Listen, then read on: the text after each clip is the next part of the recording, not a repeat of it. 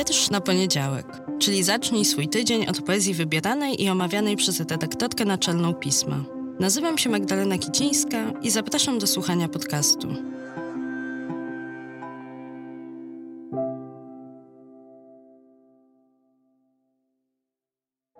Cykl powstaje we współpracy ze Staromiejskim Domem Kultury.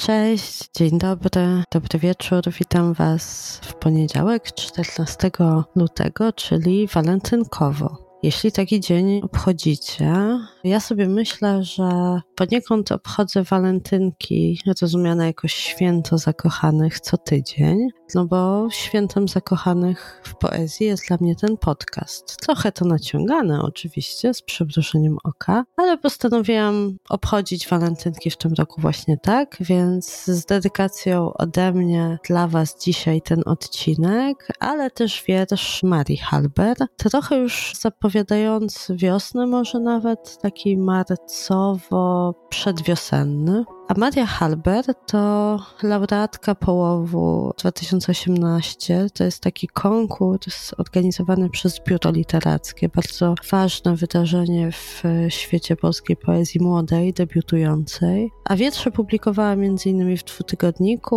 w wakacie, w kilku antologiach, no i też w tym roku w piśmie. Maria Halber jest też autorką książki poetyckiej pod tytułem Przejścia, która się ukazała jesienią 2020 20 nakładem Staromiejskiego Domu Kultury, czyli też naszego pismowego partnera poezji w tym roku, więc tak się to wszystko ładnie składa i przeplata. A Przejścia to jest bardzo ciekawa debiutancka książka, z którą spędziłam kilka wieczorów to już jakiś czas temu było, bo książka już chwilę jest dostępna, a wróciłam do niej pod koniec ubiegłego roku, kiedy zastanawiałam się, który nowy wiersz Marii Halber wybrać do pisma. Porównywałam to, co przysłała z tymi tekstami, które znałam z przejść, a przejścia są ciekawym debiutem, jak powiedziałam, bo rzadko, przynajmniej ja rzadko tak się czuję, czytając jakiś tomik, zwłaszcza tom wydany przez debiutantów debiutanta czy debiutantkę, podczas lektury którego mam wrażenie, jakbym podglądała tak gdzieś za zasłony, za węgła życie podobnej sobie kobiety.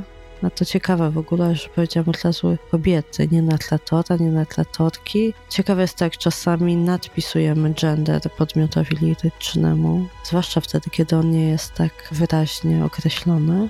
Każdym razie ja tej kobiecie, bo tak to sobie nadpisałam, przyglądałam się z bardzo bliska, towarzyszyłam jej emocjom i wrażliwości w spojrzeniu na świat i też na miasto, bo Warszawa tam gdzieś przebija z drugiej strony, z drugiej warstwy tej poezji. Warszawa, miasto, przestrzeń, o której bardzo ostatnio dużo myślę z różnych powodów, więc ciekawie było się też przejrzeć, jak o tej przestrzeni myśli ktoś inny i te swoje myśli, emocje zapisuje w wierszach. Dwa egzemplarze tego tomu czekają na tych z Was, którzy jako pierwsi napiszą na mój najdłuższy adres świata, czyli wiersz na poniedziałek małpa magazynpismo.pl, oczywiście bez polskich znaków. Przejścia czekają. Ale tak jak mówiłam, do styczniowego numeru pisma wzięłam nowy wiersz, być może zapowiadający kolejną książkę lubiła wzruszenia, którego zaraz razem posłuchamy, to tekst, przy którego lekturze znów miałam wrażenie, jakbym podglądała czyjeś życie, jakieś pary może, jakiejś relacji. Chyba w relacji takie słowa, takie wymiany, których nie powinny słyszeć trzecie uszy się pojawiają. A jednak mi w tym podglądaniu dobrze, zanurzam się w intymność tej sceny i na chwilę w niej zostaję. Mam nadzieję, że wy również zostaniecie w poezji Marii Halber i będziecie się przyglądać temu, jak się ona będzie rozwijała. No a teraz posłuchajmy i walentynkowo zaskochajmy się w poezji. O, może tak, lubiła wzruszenia. Maria Halber lubiła wzruszenia. Czyta Magdalena Celmer. I słowa o smaku spojrzeń, spojrzenia słone, jątrzące. Ich ostrzał, który nadawał formę. Czy za to należy się kara? Po prostu lubił wzruszać jak każdy. Też miał swoje podium upodobań. Wszystko co obce, drobne, ptactwo rozwleczone po talerzu. I te manowce. Ja cię zwodzę, potem ty zwodzisz mnie, aż znów marcowy deszczyk przejdzie w sierpień powodzi.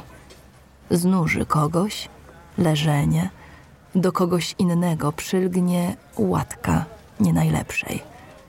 Osoby. I w tym też jest jakiś sens.